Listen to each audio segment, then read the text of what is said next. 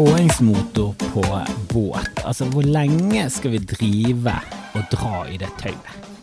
Altså, Hvor lenge skal den teknologien fortsatt være med oss? At vi må dra i gang en motor i 2023. Altså, til og med på, i 1984, hvorfor dro vi i gang en motor? Altså, det der sveivegreiene på en bil, når sluttet de med det? 22? 1922? Altså noe sånt? Jeg vet ikke. Men det, altså, de her gangsterfilmene så ser jeg for meg at de ikke satte seg inn i bilen mens de sveivde den i gang. Det hadde ikke de tid til. Og når begynte prohibition? Når begynte forbudstiden? Det, det var jo en gang i løpet av 20-tallet, var ikke det? Jeg er ikke helt sikker, jeg. Jeg er ikke helt 100% sikker når prohibition begynte, men jeg har jo sett Boardwalk Empire, så jeg burde husket litt, men jeg er ganske sikker på at ikke biljaktene startet med at de sveivet i gang noe. Jeg tror, jeg tror forbudstiden, Var det én positiv ting forbudstiden gjorde, så var det å få, få bilen til å starte på en annen måte enn at du måtte sveive den i gang. Men er så nylig en film, og når jeg mener nylig, så sånn i dag. Jeg så en film der, de, der det var en påhengsmotor, og det er så lenge siden jeg har vært og dratt i en motor, men jeg har vokst opp med å dra i gang motorer. Men vi holder på med det enda. Og hva er det vi holder på med? Å dra i gang en motor. Dra med et tau for Hva med en knapp? Hva med en nøkkel? Hva med en nøkkel, for det første? Hva med en nøkkel? Altså, min bil får man i gang med å trykke på knapp. Og greit nok, knappeteknologien kommer til å komme i påhengsmotormiljøet kanskje i 3042. Så det, det er langt vekke. Men vi, vi må jo få svarte greier og, og få i gang noen nøkkelteknologi her. Og er ikke det sikrere? For du tenker sånn knapp, ja, da er det lett å stjele den. Ja, det er jo det med taua. det er jo bare til å dra, det. Ta, ta med deg en dørmannsknapp og dra. Og hvis du vet hva en dørmannsknapp er, så, så er ikke du like befaren. Går det an å si? Da er ikke du like erfaren med bølger og sjøsprøyt som det er, men en dørmannsknapp er sånn du fester i motoren, og så tar du én på det. I tilfelle du er så dum at du faller ut av båten, så dras den av motoren fordi du henger igjen i vannet. Motoren, motorbåten kjører fra deg, dørmannsknappen er festet til deg og motoren, og når den blir nappet ut av motoren, så stopper motoren, sånn at ikke båten skal ta en fin ellipsebane og treffe det i trynet. For det har skjedd. Jeg kjenner en som, eh, som mistet en kompis, de var ute og um, sto på vannski. Da skjedde det. Og, det. og, når du dør på den måten, så er det nesten som at eh, familien må bare si eh, fuck, altså. Fuck. Må, må, må vi ha det i tillegg til at vår sønn døde? At han døde på en teit måte? Måtte vi det? Måtte vi det, prest, som kom med budskapet? Åh, tenk å være han som kom med budskapet. Beklager, frøken, men uh, ditt barn er død. Uh, prest. Hvem vil? Hvem i huleste vil bli? Jeg snakket om keeper forrige gang, denne gangen snakker jeg om prest. Hva holder du på med? Innerst inne vet du at det du, du sier ikke henger på greip, og så må du i tillegg gå rundt og si at folk er døde til de nærmeste. Jesus Christ.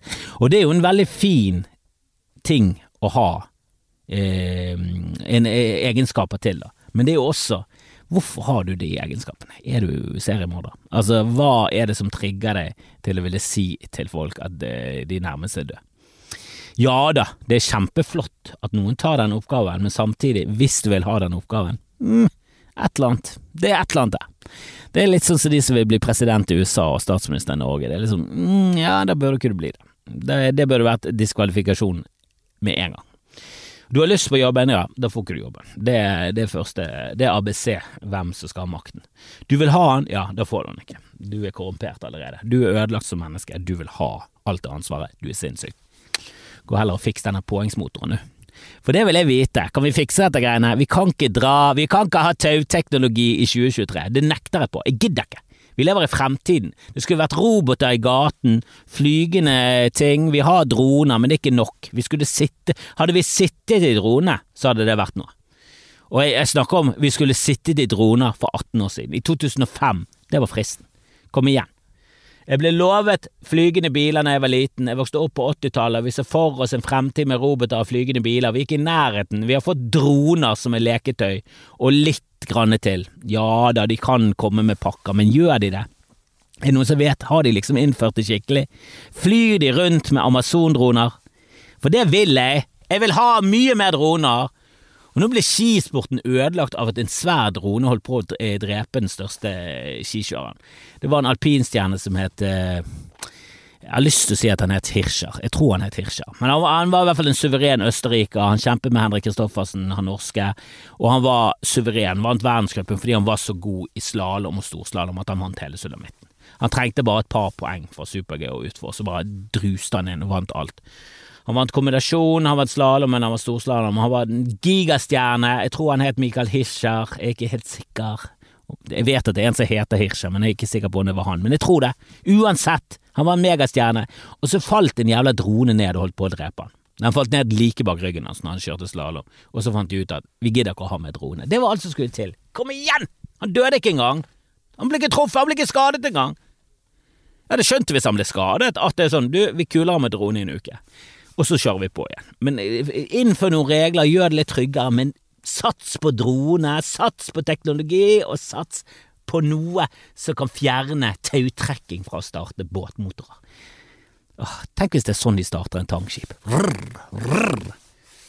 Det ser så, så 1800-talls ut. Ikke, kanskje ikke 1800-talls, men tidlig 1900-talls. Det gjør det. Hvis ikke 1900-tallet er Nei, 19. århundre er det 1800-tallet, og ja. Når det kommer til tid, så sprekker språket, det vet vi alle. Det, det mister helt betydning, det er ingen som skjønner noen ting, det er vanskelig. Det er vanskelig! Brann kom til cupfinalen, og der skal jeg prøve å få en billett. Så hvis det er noen som har noen hookups, gi meg en lyd. Jeg prøver alle fuckings muligheter. Jeg har spurt eh, jeg kan ikke si at jeg har spurt alle vennene venner jeg har i Oslo, men jeg har spurt de jeg føler kan eh, gjøre med en tjeneste og fikse noen billetter. Eh, jeg skal prøve min far, som var lege i Brann, og ha noen hookups i klubben fortsatt. Det er noen av de gamle karene som er der. Jeg vil ha en billett, for jeg er i Oslo den helgen. Og det er tilfeldig, men han Joe Perra, en amerikansk komiker, har blitt tipset av Daniel Simonsen å snakke med meg. Um, I mitt hode så tror jeg han um, Tror jeg rett og slett han burde blitt varmet opp av Armen Mamov. Føler jeg er en veldig Joe Perra-komiker. Han er litt sånn rar, alternativ komiker. Han er ganske stor i USA, han har hatt egen serie på HBO, uh, men han er Jeg føler at jeg er ganske sånn streit standup. Jeg, jeg tror jeg treffer den breieste båsen i standup, og det er hvit mann.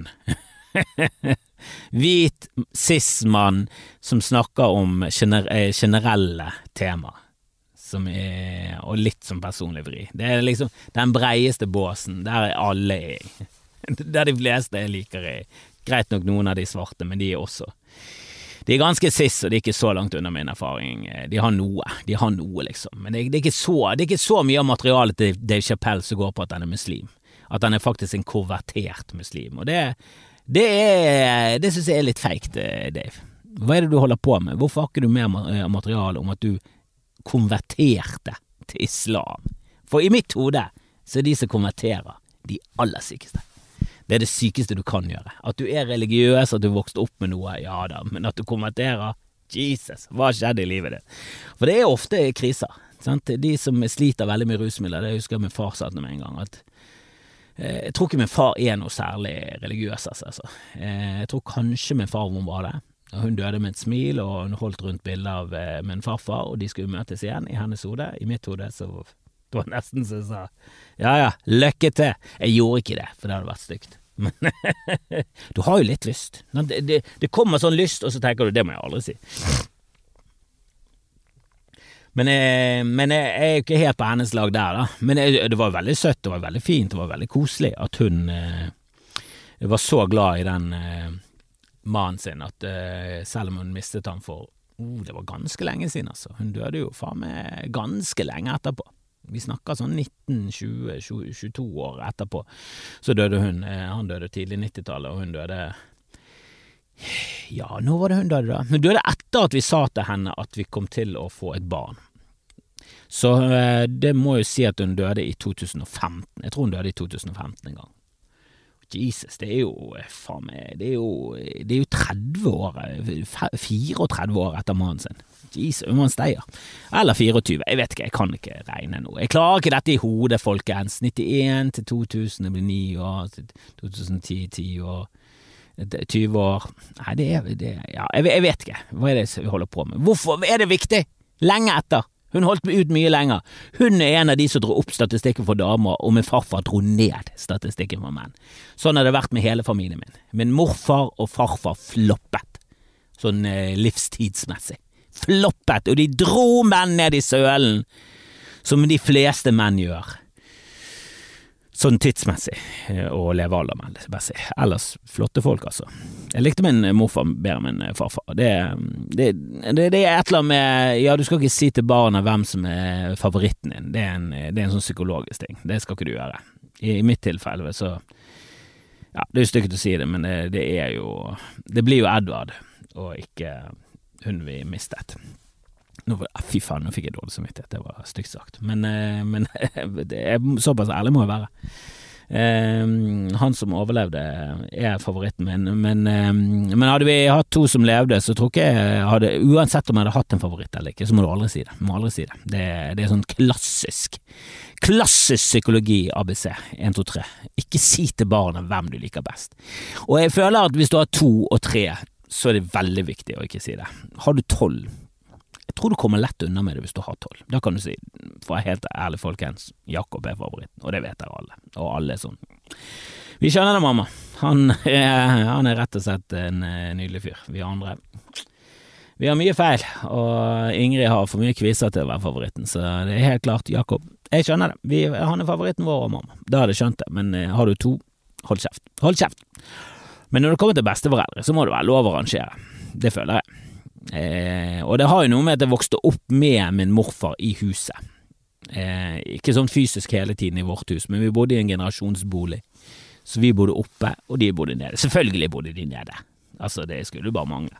Det var vi som kjøpte. Eller vi jeg, jeg, Ja, det var vi. Det var min familie. Jeg, jeg regner meg selv som en økonomisk eh, medansvarlig når det gjelder å kjøpe den øvre etasjen. Meg og min mor og min far og min bror, vi kjøpte. Eh, mest min mor og far, det, det skal sies, men, eh, men meg og min bror var også med. Vi gjorde husarbeid. Vi, vi vasket do av og til, og vi ryddet av og til på rommet. Så mm, min bror mer meg. Men, eh, men, vi var med, vi. Eh, og vår enhet, vi kjøpte huset, og så flyttet eh, mormor og morfar eh, i underetasjen. Eh, så vi ble jo så veldig mye mer knyttet til de. Eh, og så var vi hos min farmor og farfar hver tirsdag. Og så hadde det noe med at min farfar var veldig streng, og min morfar ikke så streng. Og eh, det, det er et triks hvis du har barnebarn. Ikke vær streng. bare, bare, gi dem. Bare gi dem ting, og ikke vær streng i det hele tatt. Kan være, du kan liksom ha regler og være striks, men ikke vær streng. Min farfar var veldig streng. Veldig sånn striksfyr. Halvdan het han.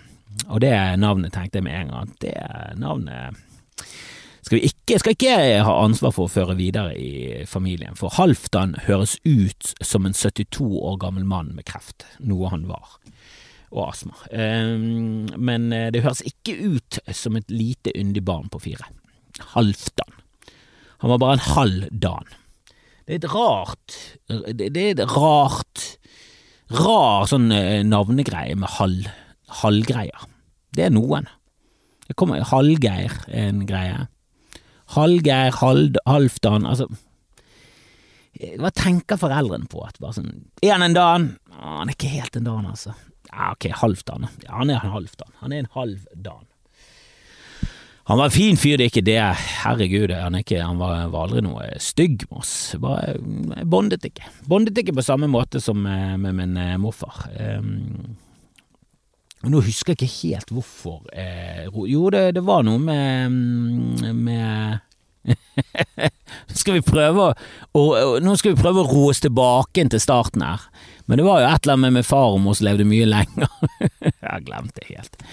Ai, ai, ai. Jeg sitter i en bil, og min, eh, min sønn er på trening, og det regner ute. Så jeg tenkte da jeg spiller inn denne podkasten som burde vært spilt inn for lenge siden. Men jeg har ikke fått, jeg har ikke fått tid til ennå. Det er for mye. Jeg har tatt, på meg for mye. Vi spilte inn Klubben, en pilot av en uh, Av en uh, Ja, det blir jo en slags versjon av Torsdagsklubben slash Nytt på nytt slash Eh, ja, komiker med Ole So. Sant? Vi sitter i midt, midten, vi prater om aktuelle temaer, vi prater ikke om komikerlivet som Ole gjorde.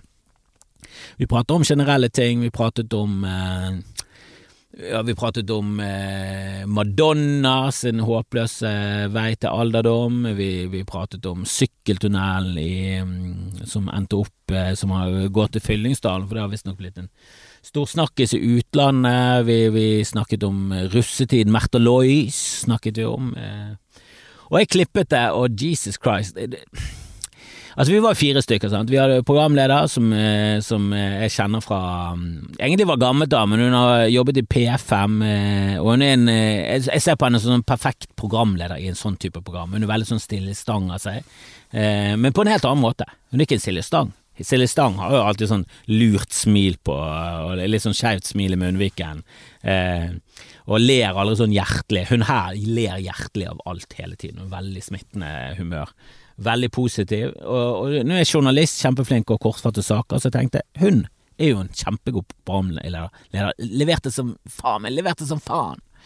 Og så har vi fått med en ung, trendy, hipp fyr som heter Amar, som eh, Han leverte òg, men, eh, Jeg glemmer jo dette første gangen folk er på eh, liksom på kamera. Sånn. Jeg, når det er så lavt jeg, jeg, husker jeg var litt nervøs for briller, og jeg fikk ikke helt kjemi, og jeg, jeg kjenner jo Bård Tufte, jeg syns han er en fin fyr, men aldri truffet Tore Sagen før, Live Nelvik hadde aldri truffet, Harald Eia.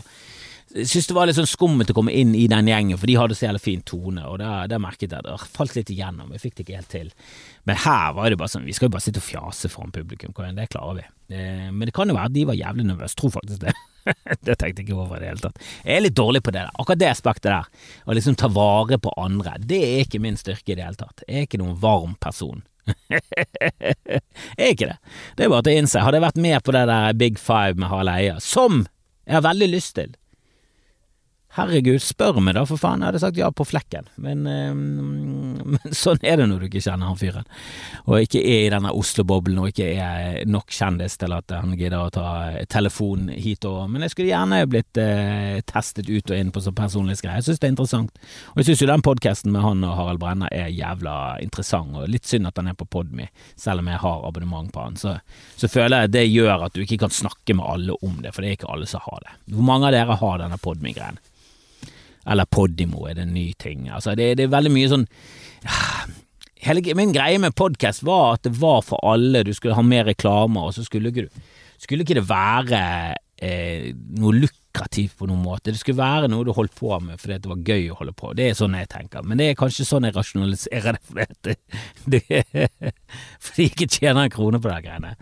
Eh, men jeg, jeg jo gjerne ha podkast og eh, nei, reklame og sånn, for jeg, har lyst til å, jeg har lyst til å gjøre det på min måte. Jeg, jeg tror jeg kan eh, bringe noe til reklamene, og jeg har veldig troen på at å ha en sånn personlig schwung over reklamen gjør at folk faktisk gidder å høre reklamen, og sånn kan du faktisk få merkevaren din ut til folk. Jeg, har veldig troen på det. Men eh, Big Five med Harald Eia kunne eh, lett eh, vært med på. Det, det, det, det, skal ikke stikke under en stol. Og igjen, hva var det jeg snakket om? Helvete heller, jeg mista jo tråden lettere enn en syerske, syeske med En blind syeske med parkinson.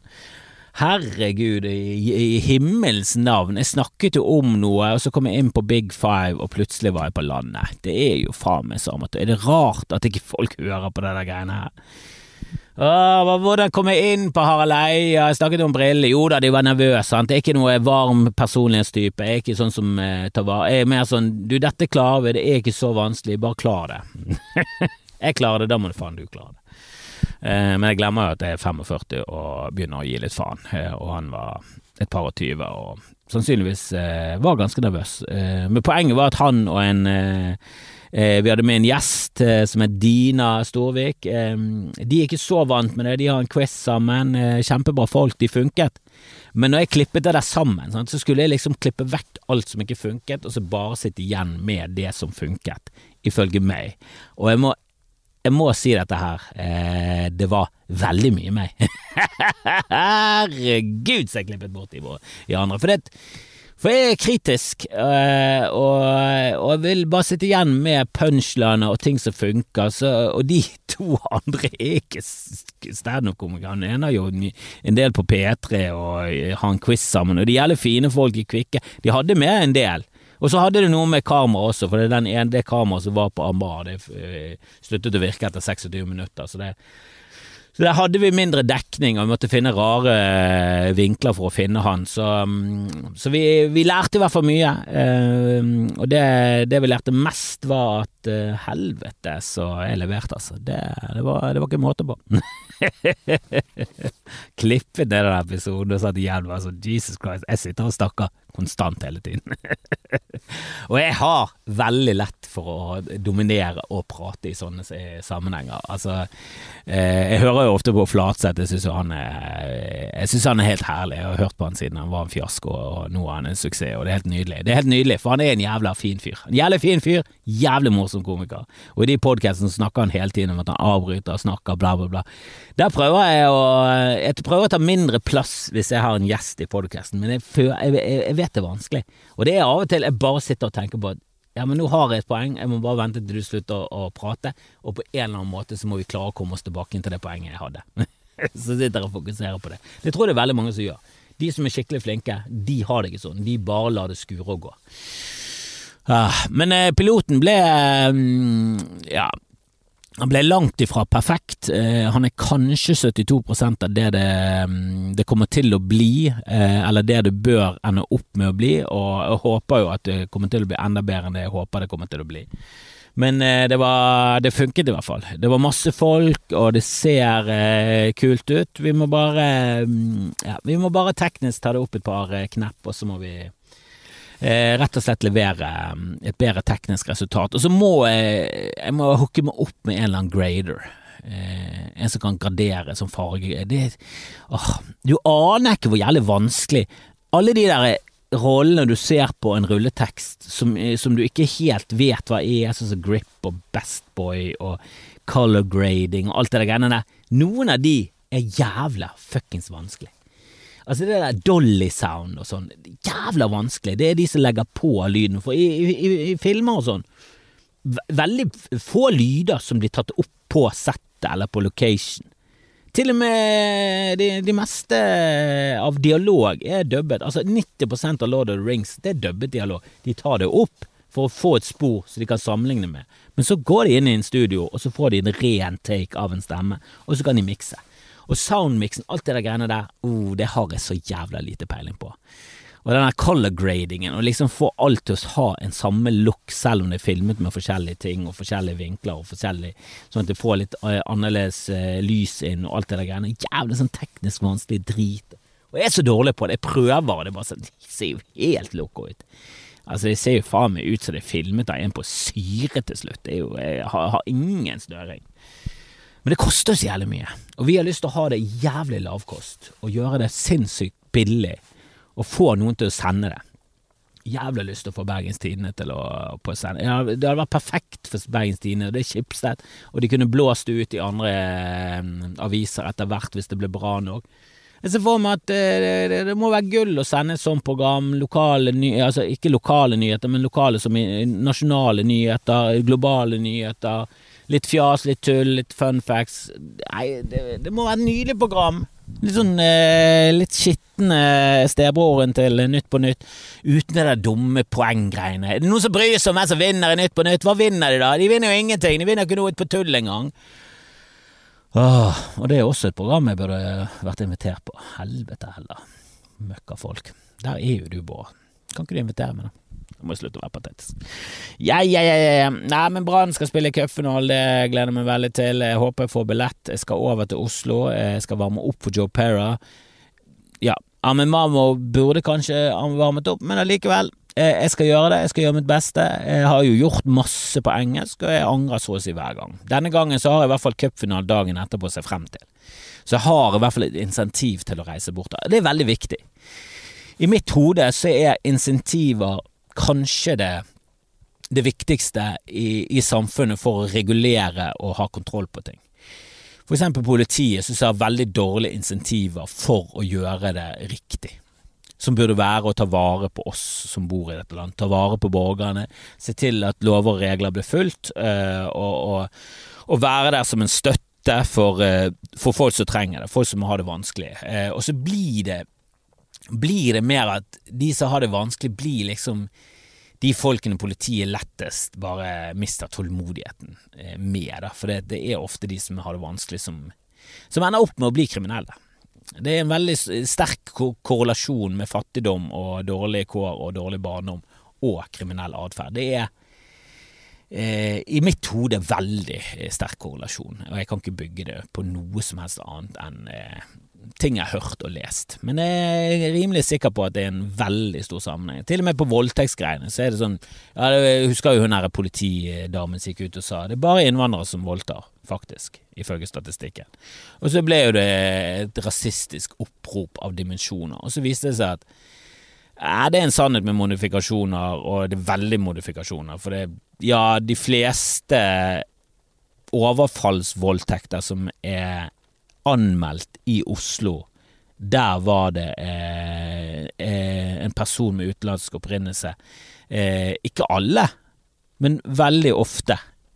Eh, nå har det seg at de fleste voldtekter er sovevoldtekter, voldtekter av folk du kjenner, voldtekter på nachspiel, eh, voldtekter i et eh, parforhold. Altså en annen type voldtekter som, eh, som ble, i det store og hele mest ble utført av eh, etnisk hvite nordmenn. Så når du sier at det er en sannhet med modifikasjoner, så vil jeg, heller, vil jo egentlig helle mot at det var løgn, da. Det var løgn. Uh, og hvilken insentiv hun har til å lyge om det, jeg vet da faen, jeg. Uh, men det er i hvert fall ikke rene med, Det er ikke rene, eh, gode.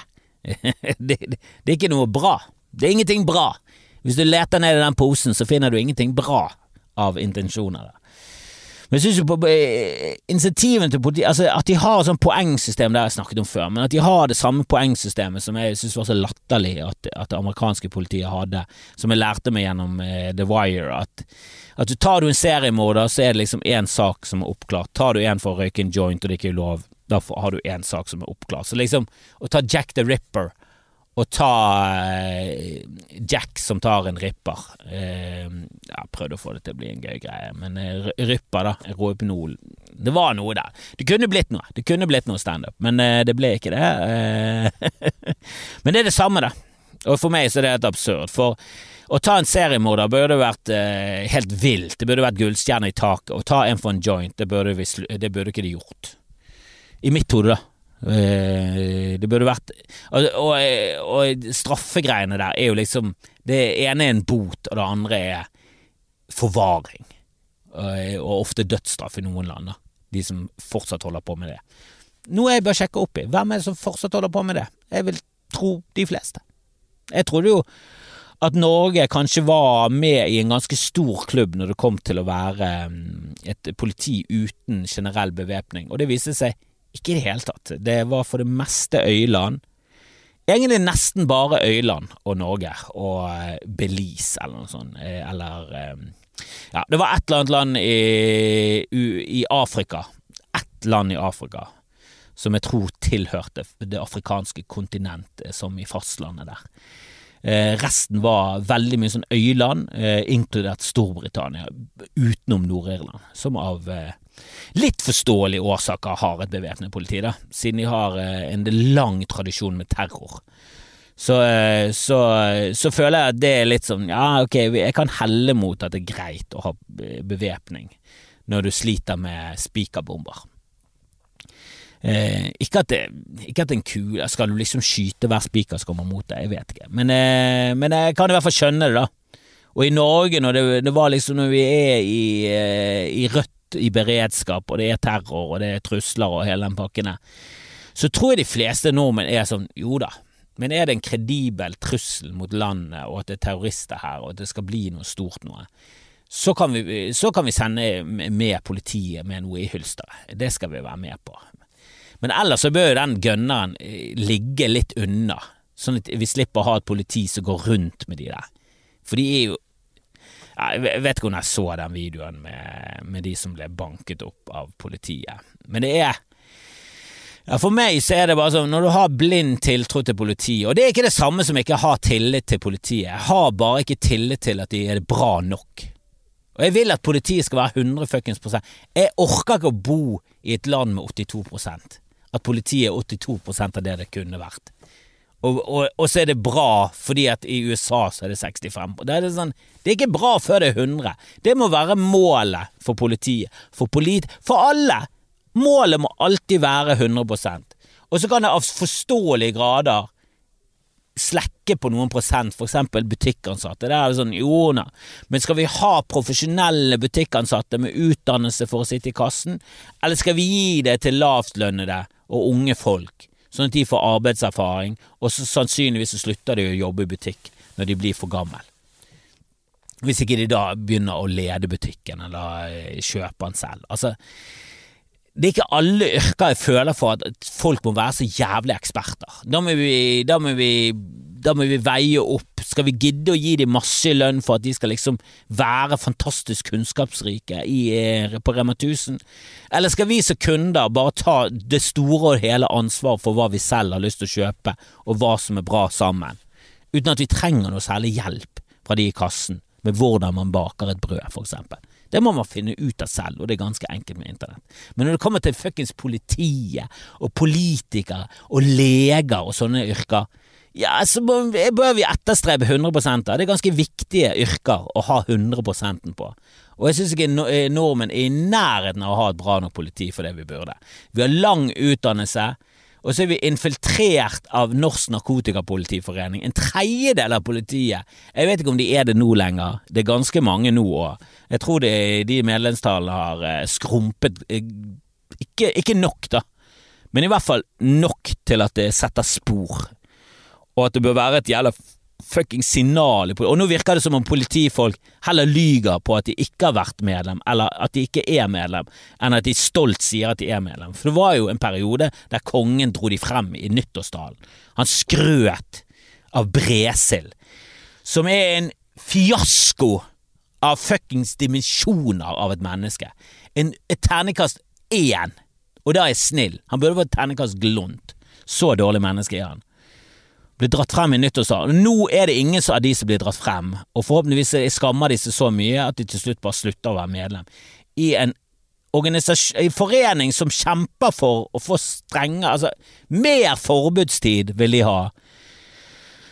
Så det eneste som jubler av dette, er jo fullstendig blokkerte personer og mafiaen. Så det er jo bare Det er jo helt uforståelig at folk kan være så dum i våre dager når vi vet såpass mye. Men det er jo fordi vi driver med sånn prikkesystem og har et dårlig politi, og vi har ingen i ledelsen som er skikket til å være der. Altså det var Nylig var det assisterende politidirektør løy om at han har vært medlem han sa at han ikke hadde vært medlem, og når, han, når, det ble bevist at han hadde vært medlem, så sa han at han ikke visste at han hadde vært medlem. Det er, det er ikke en bra unnskyldning at du er så rotehode at du ikke vet hva du er med i foreningen, og du har fått medlemsblad i, så det er en dårlig løgn. Og at avisene bare liksom lar han slippe unna med det, det er bare sånn Gå rett i strupen på ham med et karateslag med en jævla gang. Du har jo fått medlemsblad i posten. Selvfølgelig vet du at du Du, du bare skjemmes over at du er med i den drittorganisasjonen. Åh, det er i hvert fall deilig, det. Men jeg syns ikke vi har bra nok politi. Jeg syns det er helt tåpelig at folk har blind tillit til dem. Og at folk syns det er greit nok. At det ikke er sånn 'Jeg vet at dette holder ikke', og nå må vi faen meg få et bedre Nå må dere gjøre noe. Nå var det en politimann som faen meg banket opp noen uskyldige i Var det i Kongsberg? For jeg hører på en podkast nå om en psykopatisk politimann som svindler og hvitvasker penger. Han har jobbet i Økokrim-avdelingen. Han heter Kongen av Kongsberg, og det var så sjokkerende. For det, blitt, det er 23 saker har blitt eh, Han har blitt anmeldt 23 ganger, og så har de, har de henlagt saken med én gang. Gjerne samme dagen. De som har eh, anmeldt han, har gjerne fått henleggelses eh, brevet i samme postkasse som de har fått. Vi har registrert at du har anmeldt han for et lovbrudd. Vi har allerede frikjent han. han er skyldig i alle lovbruddene, helt klart. Så, så, hvorfor han ikke er der, er jo enten er det kameratskap, eller så har han mye drit på politiet. Og Hvis masse, hvis det er sånn politiet opererer, at en person er gjennområtten, svindler, snyter på skatten, gjør masse ulovlige ting han, han påstod at barna var ansatt i firmaet hans, og så satte han over store beløp til de, som han da tok, i, tok ut og ga til seg selv. Det var når de var under 18. Da hadde han tilgang til kontoene, og så brukte han de til å hvitvaske penger. Altså Når det er så nivå av kriminelle er i politiet, og de henlegger sak på sak på sak på sak, så er jo ikke det et råttent eple. Da er jo hele tønnen råtten, da. Hele Kongsberg, altså hele jeg tror det var Sør-Øst politidistrikt. Jeg vet ikke hvor, hvor, mange det omfatter. Men alt er jo råtten. Når folk snakker om et par råtne epler, det er jo ikke det. Hele etaten, hele politikorpset er jo råttent. Det går jo helt opp til toppen. Han fyren som, som fikk de der tre våpnene som han ville destruere, der vet jo vi to av de våpnene hvor de kommer fra. Det tredje er det ingen som helt vet hva er. Og hva er sannsynligheten for at det våpenet ikke er gjort noe kjempekriminelt med? Den er jo der, men jeg vil jo si at sannsynligheten er større for at den er gjort veldig kriminelle ting med. Og hva gjør man med våpen? Man dreper folk. Jeg, jeg har ingen beviser for at han har drept noen, men en eller annen Han kjenner hva han har gjort. Altså et, det er jo et eller annet ekstremt kriminelt med det våpenet, siden han ikke vil gjøre det på den skikkelige måten. Han vil destruere det våpenet med å bare bli, bli kvitt det og så får han en annen politi til å gjøre det, og så sier han andre politimann nei. Og så blir han mobbet såpass mye ut av jobben fordi at han ikke følger den hærinndelingen som det er, med en fuckings oberst Altså, det er så jævla dumt. Åh, når folk er sånn ja, du bare kritiserer politiet, du har ikke tillit, det er jo anarki, du har akkurat som i Colombia. Hva er det du snakker om? Jeg vil jo at de skal ordne opp i det. Jeg vil ha et skikkelig politi. Jeg vil ikke ha et politi som er gjennomsyret av gutteklubben Grei, og jeg driter i hvilket kjønn du har, damene er like fuckings ille. Men de er jo faen meg gutteklubben-koder der, at du skal ikke tyste. Det, det gikk jo de ut til Politiforum og sa du bør helst ikke varsle hvis du har lyst til å jobbe i politiet. What the fuck? Bør du ikke si fra i politiet om at politiet bryter loven i politiet? Åh, at folk kan ha blind tillit Altså, hva, da er, det, da er du fuckings blind, da! Da er du villig blind. Hva er, vil du være blind Åh, blir så jævlig lei av hele jævla fuckings samfunnet. Og så I tillegg så drar vi i gang påhengsmotorer med tråd. Det holder ikke. Det holder ikke i det hele tatt. Vi må fikse påhengsmotoren, og vi må fikse politiet. Vi kan ikke leve nå og ha et råttent politi og dra i gang påhengsmotorer. Det gidder jeg ikke. Vi lever i 2023. Jeg gidder det ikke. Ah. Men kom på Latter 19. mai, se meg fløyse meg ut på engelsk, eventuelt eh, briljere, hvem vet. Inni hodet mitt så snakker jeg faen meg engelsk som en jævla Faen meg en eh, Faen meg en eh, Altså, en rapper fra Compton. Det er det inni hodet. Bare, What up, cuz? Yo, motherfucker, what up? That's the shizzle, my rizzle. Altså, jeg hørte jo nå at det ikke svunget altså Bare med en gang det kommer ut av kjeften min, så begynner du å Altså, det, oppi hodet mitt så er det liksom eh, cribwalk og eh, nye dansesteg, og det er TikTok-dansing, og så kommer det ut av munnen. Så er det faen meg låvedans med sving, og det er keitete, og jeg prøver å svinge den ene veien, og så går hun den andre, og så, og så faller vi, og så tråkker jeg på beina med klogger på. Altså, det er dansen som kommer ut av kjeften min. Men det er uansett, det er jo gode vitser med det på toppen. Altså, det er gode altså det, Hadde dette vært en iskrem, så hadde det vært en jævla god iskrem med faen meg krokan og sjokoladesaus og eh, faen meg masse digg på toppen. Altså, vi snakker faen meg en eh, dessert fra paradis.